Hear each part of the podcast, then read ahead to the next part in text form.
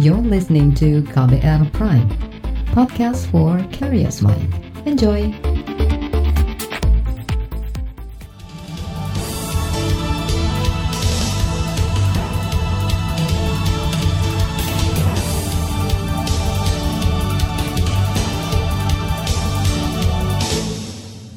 Selamat pagi saudara, KBR kembali menjumpai Anda melalui program Buletin Pagi edisi Senin 18 Mei 2020 bersama saya Don Brady. Informasi terkini untuk pagi ini di antaranya pemberian bansos ricuh, Jokowi akui masih belum menyeluruh. Pemprov Jawa Timur perbolehkan salat idul fitri di masjid. Penyandang disabilitas jadi kelompok paling rentan terdampak COVID-19. Inilah Buletin Pagi selengkapnya.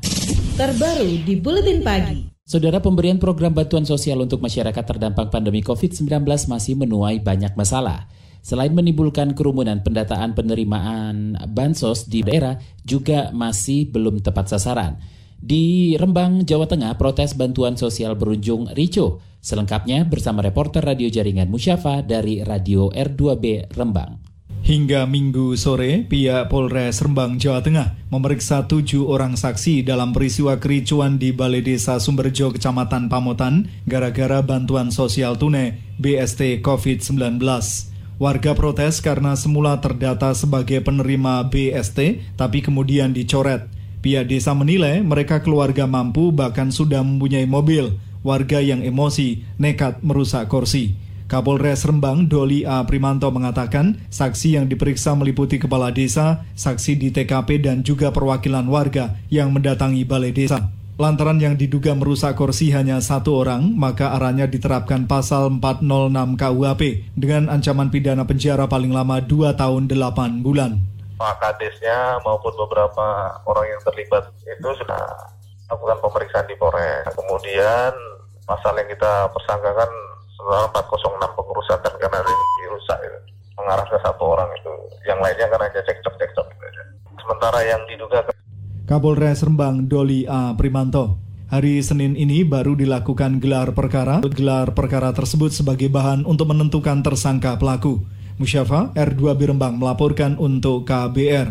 Presiden Joko Widodo mengakui penyaluran bantuan langsung tunai atau BLT maupun bantuan sembako memang belum terrealisasi menyeluruh. Menurut Jokowi, sampai akhir pekan lalu jumlah yang dibagikan kepada masyarakat bahkan belum mencapai 50 persen, sehingga ia tidak menampik adanya protes yang dilakukan masyarakat lantaran belum menerima bantuan tersebut. Perlu saya sampaikan bahwa sampai hari ini BLT desa yang tersalurkan baru 15 persen. Artinya masih ada 85 persen yang belum diterima oleh masyarakat. Kemudian juga untuk bansos tunai, BST, ini juga informasi yang saya terima baru kurang lebih 25 persen yang diterima oleh masyarakat. Sehingga masih ada 75 persen yang belum diterima.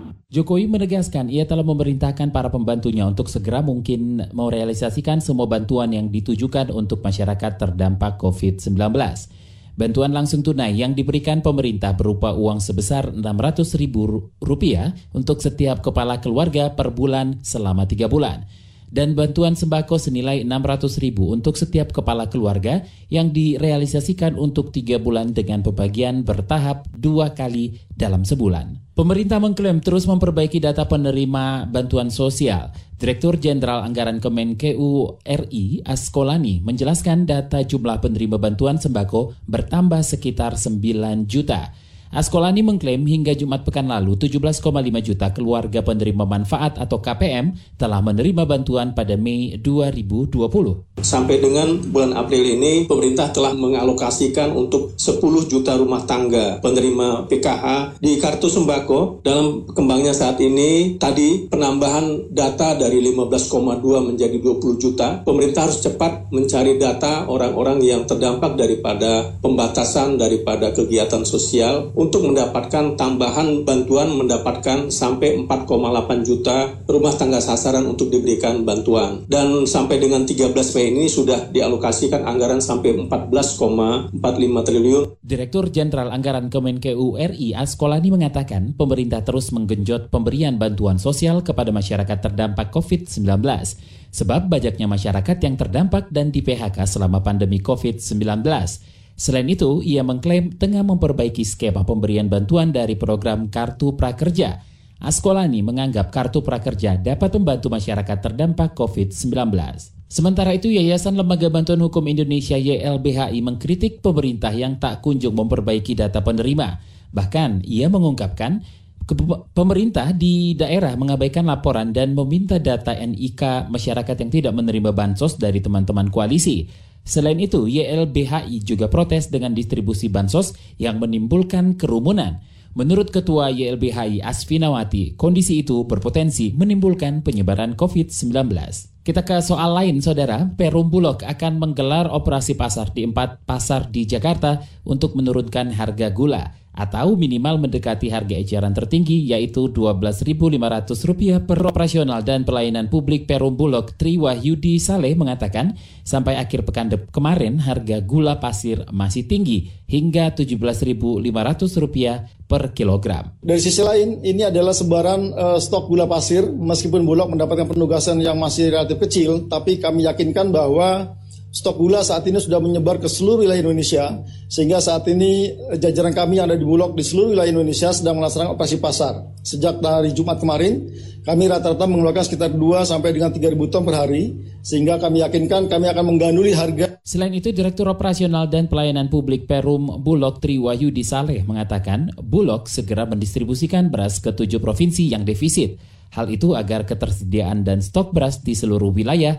tercukupi aman jelang Idul Fitri. Ketujuh provinsi itu antara lain Kepulauan Riau, Riau, dan Kepulauan Bangka Belitung. Saat ini stok beras yang dikelola Bulog mencapai 1,4 juta ton dengan rincian cadangan beras pemerintah 1,32 juta ton, sementara beras komersial lebih dari 101 ribu ton. Kita ke informasi olahraga, Saudara Bundesliga Jerman akhir pekan kemarin mulai bergulir lagi. Ada banyak aturan yang diberlakukan, misalnya pemain dilarang saling berpelukan, melakukan tos, dan jabat tangan. Mereka juga tidak boleh berfoto bersama sebelum dan sesudah laga. Di ruang ganti, para pemain dilarang berdekatan satu sama lain. Antar mereka harus berjarak minimal 1 meter. Pemain juga tidak boleh berada di ruang ganti selama lebih dari 40 menit. Sedangkan di lapangan hijau, penonton dilarang hadir. Dari kapasitas 81 ribu penonton di stasiun Signal Iduna Park Dortmund, yang boleh hadir hanya 300 orang. Mereka adalah para pemain, staf, pejabat tim, penyiar, dan personel keamanan. Pembatasan jumlah orang hadir itu merupakan syarat protokol kesehatan COVID-19. Bundesliga juga sudah memperbolehkan setiap klub melakukan pergantian pemain sehingga lima kali dalam satu pertandingan. Hal itu untuk mencegah pemain mengalami cedera akibat kurangnya latihan dan kelelahan karena jadwal laga semakin padat. Hari Selasa besok, Werder Bremen akan berhadapan dengan Bayern Leverkusen. Sepekan jelang Idul Fitri, sejumlah harga komoditas masih tinggi. Informasinya, usai jeda tetaplah di Buletin Pagi KBR. You're listening to KBR Pride, podcast for curious mind. Enjoy!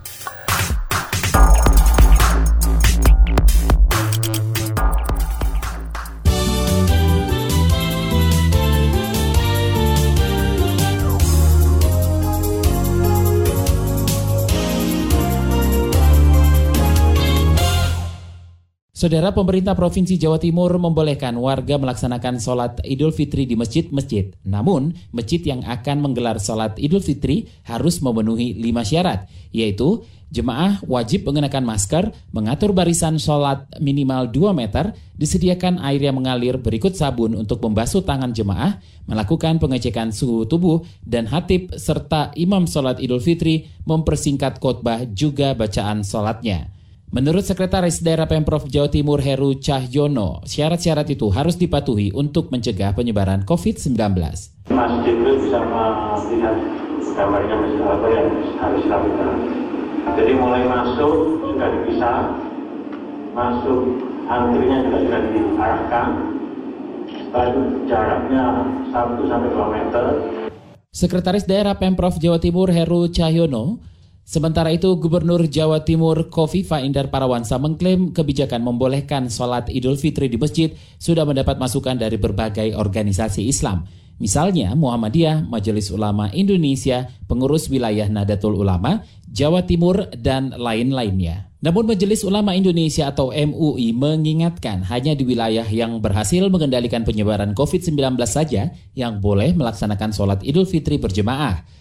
Sekretaris Komisi Fatwa MUI Asrorun Niam mengingatkan soal fatwa MUI terkait takbir dan sholat idul fitri di tengah wabah virus corona. Kata dia, umat Islam di wilayah yang masih belum aman atau zona kuning apalagi merah COVID-19, maka bisa menunaikan sholat idul fitri di rumah baik itu sholat sendiri maupun berjemaah dengan jumlah minimal empat orang. Indikasinya e, ditandai dengan angka penularan menunjukkan tren menurun. Nah, kemudian ada kebijakan e, pelonggaran aktivitas sosial yang memungkinkan terjadinya kerumunan. Berdasarkan apa? Berdasarkan ahli yang kredibel dan juga amanah tentunya. Maka dalam situasi yang seperti ini, sholat idul fitri bisa dilaksanakan dengan cara berjamaah di tanah lapang, tempat terbuka, di masjid, di musola, dan juga di tempat lain. Itu tadi Sekretaris Komisi Fatwa MUI Asrorun Niam Soleh. Soal salat Idul Fitri, PBNU bersikukuh untuk menggelarnya di rumah. Alasannya menurut Ketua Pengurus Besar Nadatul Ulama Marsudi Syuhud, mengatakan tindakan yang dilakukan untuk melindungi kesehatan banyak orang merupakan hal yang sangat penting. Itu sebab pelaksanaan sholat idul fitri lebih baik dilaksanakan di rumah saja, jadi tidak perlu di lapangan atau di masjid. Sementara itu, Sekjen Ikatan Dokter Indonesia atau IDI Adib Humaydi mengatakan lembaganya masih mengimbau agar masyarakat melakukan jaga jarak dan kontak fisik serta menaati protokol kesehatan COVID-19. Adib enggan berkomentar banyak soal pelaksanaan sholat idul fitri berjemaah di luar rumah, seperti di masjid maupun di tanah lapang. Ia hanya mengingatkan penurunan jumlah kasus positif COVID-19 belum terlalu melandai. Begitu juga dengan penambahan kasus positif baru tetap saja masih tinggi. Beralih ke topik lain, Saudara Satuan Tugas Percepatan Penanganan COVID-19 memantau langsung penerapan pembatasan penerbangan penumpang di Bandara Soekarno-Hatta. Juru bicara pemerintah untuk penanganan COVID-19, Ahmad Yuryanto, mengatakan hasil pengecekan kemarin siang itu menyimpulkan kebanyakan penumpang termasuk mereka yang dikecualikan sudah mematuhi aturan. Sudah mulai tertib untuk menyadari bahwa physical distancing menjaga jarak menjadi suatu yang penting sehingga secara tertib mereka bisa menempatkan diri dalam tempat yang sudah kita beri tanda dan kemudian dengan tertib juga melaksanakan beberapa kegiatan di antaranya pengecekan dokumen yang terkait dengan pengesahan perjalanannya, baik identitas diri, surat tugas institusi. Juru bicara pemerintah penanganan COVID-19 Ahmad Yuryanto menambahkan akibat proses verifikasi kelengkapan dokumen calon penumpang cukup lama, maka penumpang menyiasati dengan datang jauh lebih awal dari jadwal penerbangannya. Selain itu, Yuryanto memaparkan, kemarin ada penambahan 489 kasus positif COVID-19 sehingga jumlah totalnya mencapai lebih dari 17.000 orang. Pasien sembuh lebih dari 4.000 orang dan kasus meninggal melampaui 1.100 orang. Lembaga Pemantau Korupsi ICW mengkritik perancangan undang-undang atau RUU Permasyarakatan yang dinilai justru menguntungkan koruptor. Peneliti ICW Kurnia Ramadana mengatakan kejahatan korupsi sebenarnya sudah diakui secara internasional sebagai extraordinary crime, white collar crime, dan transnational crime. Tapi melihat ketentuan yang tertuang dalam RUU permasyarakatan itu, ICW menilai kejahatan korupsi hanya dipandang sebagai tindak kriminal biasa saja oleh DPR dan pemerintah. Dalam RUU PAS ini salah satu poin krusialnya PP 99 tahun 2012 itu ingin dihapuskan, yang mana kita menilai itu peraturan yang cukup progresif karena membatasi atau memberikan syarat-syarat khusus bagi narapidana tindak pidana khusus tidak hanya korupsi sebenarnya ada narkotika dan terorisme di situ uh, untuk bisa mendapatkan pengurangan-pengurangan hukuman dari negara. Begitu. Peneliti ICW Kurnia Ramadana menambahkan ada tiga catatan kritis terkait substansi RUU Permasyarakatan. Di antaranya ketidakjelasan pemaknaan atas konsep pemberian hak kegiatan rekreasional pada tahanan maupun narapidana. Ketiadaan syarat khusus bagi narapidana korupsi untuk mendapatkan remisi, cuti menjelang bebas, maupun pembebasan bersyarat. Kurnia juga mengingatkan momentum pembahasan RUU permasyarakatan tidak tepat karena virus corona masih mewabah. Laporan khas KBR tentang kepedulian terhadap satwa kebun binatang terdampak pandemi akan hadir usai jeda tetaplah di Buletin Pagi KBR. You're listening to KBR Pride, podcast for curious mind. Enjoy!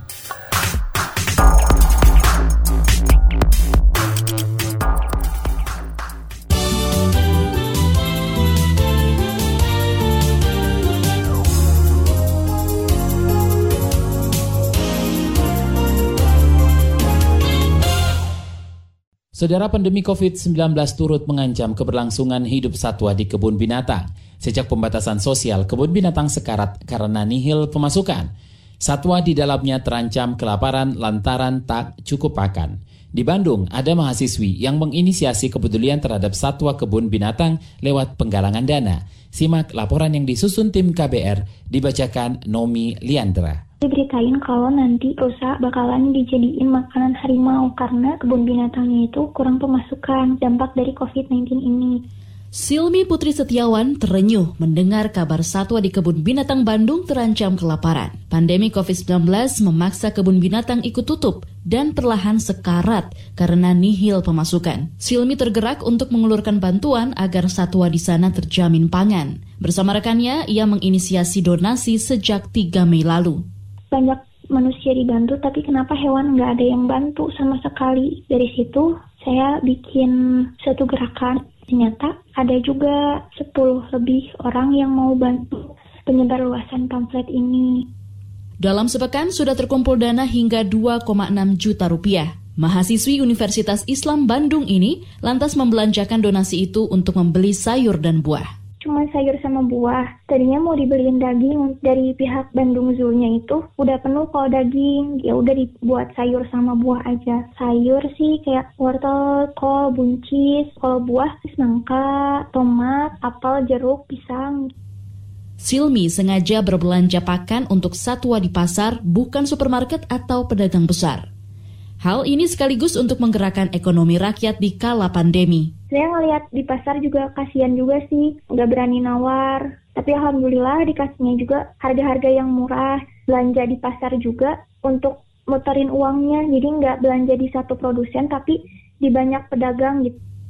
Kebun Binatang Bandung atau Bandung Zoo sudah tutup sejak akhir Maret lalu, padahal kemampuan memenuhi pakan bergantung pada pemasukan dari tiket pengunjung. Juru bicara Bandung Zoo, Sulhan Syafi'i mengatakan, pengelola terpaksa memangkas jatah pakan satwa ada atau tidak pengunjung sebenarnya tidak berpengaruh. Yang berpengaruh kan pengelola. Ketika tidak ada pengunjung, tidak ada pendapatan. Kita mengakalinya dengan mengurangi porsi makan mereka sedikit, tapi masih masuk dalam batas kesejahteraan satwa.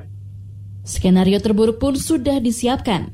Jika kondisi tak kunjung membaik, rusa atau hewan lain yang tidak dilindungi akan dikorbankan untuk pakan hewan karnivora. Jadi kita mulai memotong unggas tadi atau rusa untuk dikasih pakan ke kucing besar kita. Satwa asli Indonesia dan itu lebih harus selamatkan yang utama.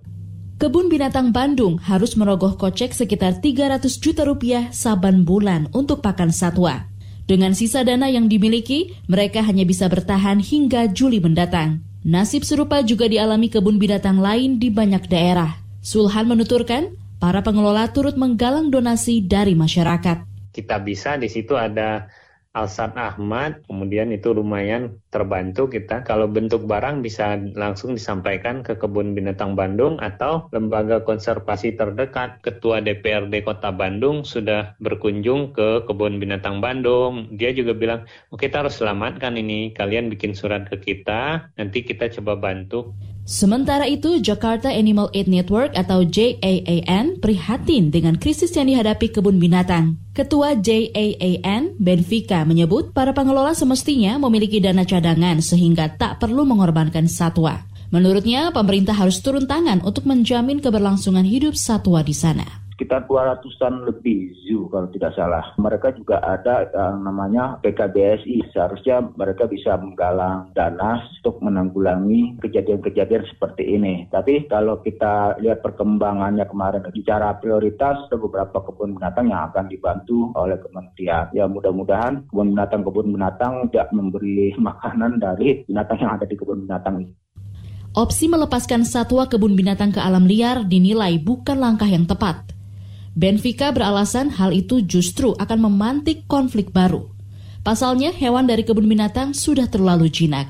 Saya rasa itu bisa bikin masalah baru gitu karena memang satu-satu yang ada di kebun binatang itu memang sudah terlalu jinak. Jadi tidak ada solusi lain ya mereka stay di tempat. Karena pelepas liaran itu harus ada SOP-nya gitu. Tidak sembarangan kita melepas liarkan. Selain satwa kebun binatang, hewan peliharaan yang dijual di toko atau pet shop juga rentan ditelantarkan. Meski kasusnya diklaim sedikit, JAAN meminta pemilik toko memastikan kesejahteraan hewan di tengah pandemi.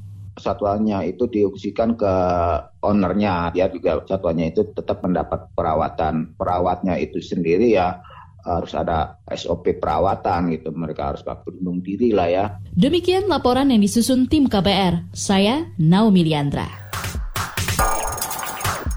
You're listening to KBR Pride, podcast for curious mind. Enjoy!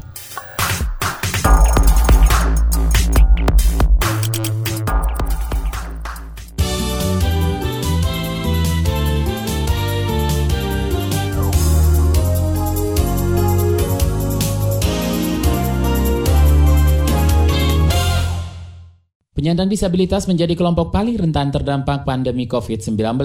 Akibatnya mereka banyak yang kehilangan pekerjaan dan tidak lagi punya pendapatan. Ketua Umum Badan Koordinasi Kegiatan Kesejahteraan Nasional BK3S Jawa Timur, Pinky Saptandari, menuturkan bantuan bahan pokok yang menjadi hak penyandang disabilitas juga sering tidak tepat sasaran. Akibatnya masih banyak kacaunya pendataan. Secara data statistik memang kita sudah bisa lihat ya bahwa apa banyak yang kehilangan pekerjaan, uh, kemudian tidak bisa apa uh, menjalankan profesinya sebagai pemijat, pemangkas rambut, uh, bahkan yang tidak bersentuhan ya, yang tidak bersentuhan dengan manusia sekalipun misalnya dia bengkel ya, lalu tukang kablon. Ini kan dalam kondisi demikian sekarang ini siapa yang mau betulin motornya. Itu tadi Ketua Umum BK3S Jawa Timur Pinky Saptandari. Sementara itu Eksekutif Director Plan International Indonesia Dini Widyastuti mengingatkan, selain bantuan ekonomi, kelompok disabilitas anak juga perlu mendapat perhatian di tengah pandemi COVID-19. Bantuan sosial untuk mereka sangat penting karena mereka rawan menjadi korban kekerasan di rumah dan di lingkungannya. Saudara Bandara Blimbing Sari Banyuwangi Jawa Timur sejak akhir pekan kemarin sudah dibuka kembali. General Manager Angkasa Pura II Banyuwangi Heru Karyadi menjelaskan kebijakan pengoperasian bandara itu menindaklanjuti surat edaran gugus tugas percepatan penanganan COVID-19 dan surat edaran Kementerian Perhubungan. Dan menurut Heru setiap penumpang wajib mematuhi protokol COVID-19. Saat ini hanya ada satu penerbangan yaitu dari maskapai Garuda Airlines. Eh, kedatangan rute dari Jakarta Banyuwangi Jakarta dan kami sampaikan uh, jumlah penumpang uh, untuk penerbangan dari Jakarta adalah 12 penumpang dengan kriteria dua orang adalah pekerja imigran, kemudian 10 orang adalah pekerja dengan memiliki surat perjalanan dinas. General Manager Angkasa Pura Banyuwangi Heru Karyadi menambahkan op jadwal operasional penerbangan komersial akan dilakukan seminggu sekali. Saat ini baru Garuda Indonesia yang sudah menyatakan siap melayani calon penumpang. Sementara itu, Kepala Wilayah Kerja Kantor Kesehatan Pelabuhan Probolinggo, Nungki Naswaris Alami menegaskan, calon penumpang yang tidak bisa menunjukkan dokumen lengkap keberangkatan akan dilarang terbang. Informasi tadi menutup jumpa kita di Buletin Pagi hari ini. Pantau juga informasi terbaru melalui kabar baru melalui website kbr.id, Twitter kami di @beritaKBR serta podcast melalui kbrprime.id. Akhirnya saya Don Brady undur diri. Salam.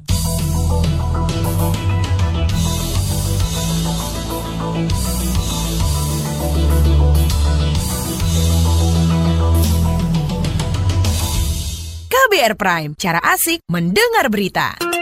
KBR Prime, podcast for curious mind.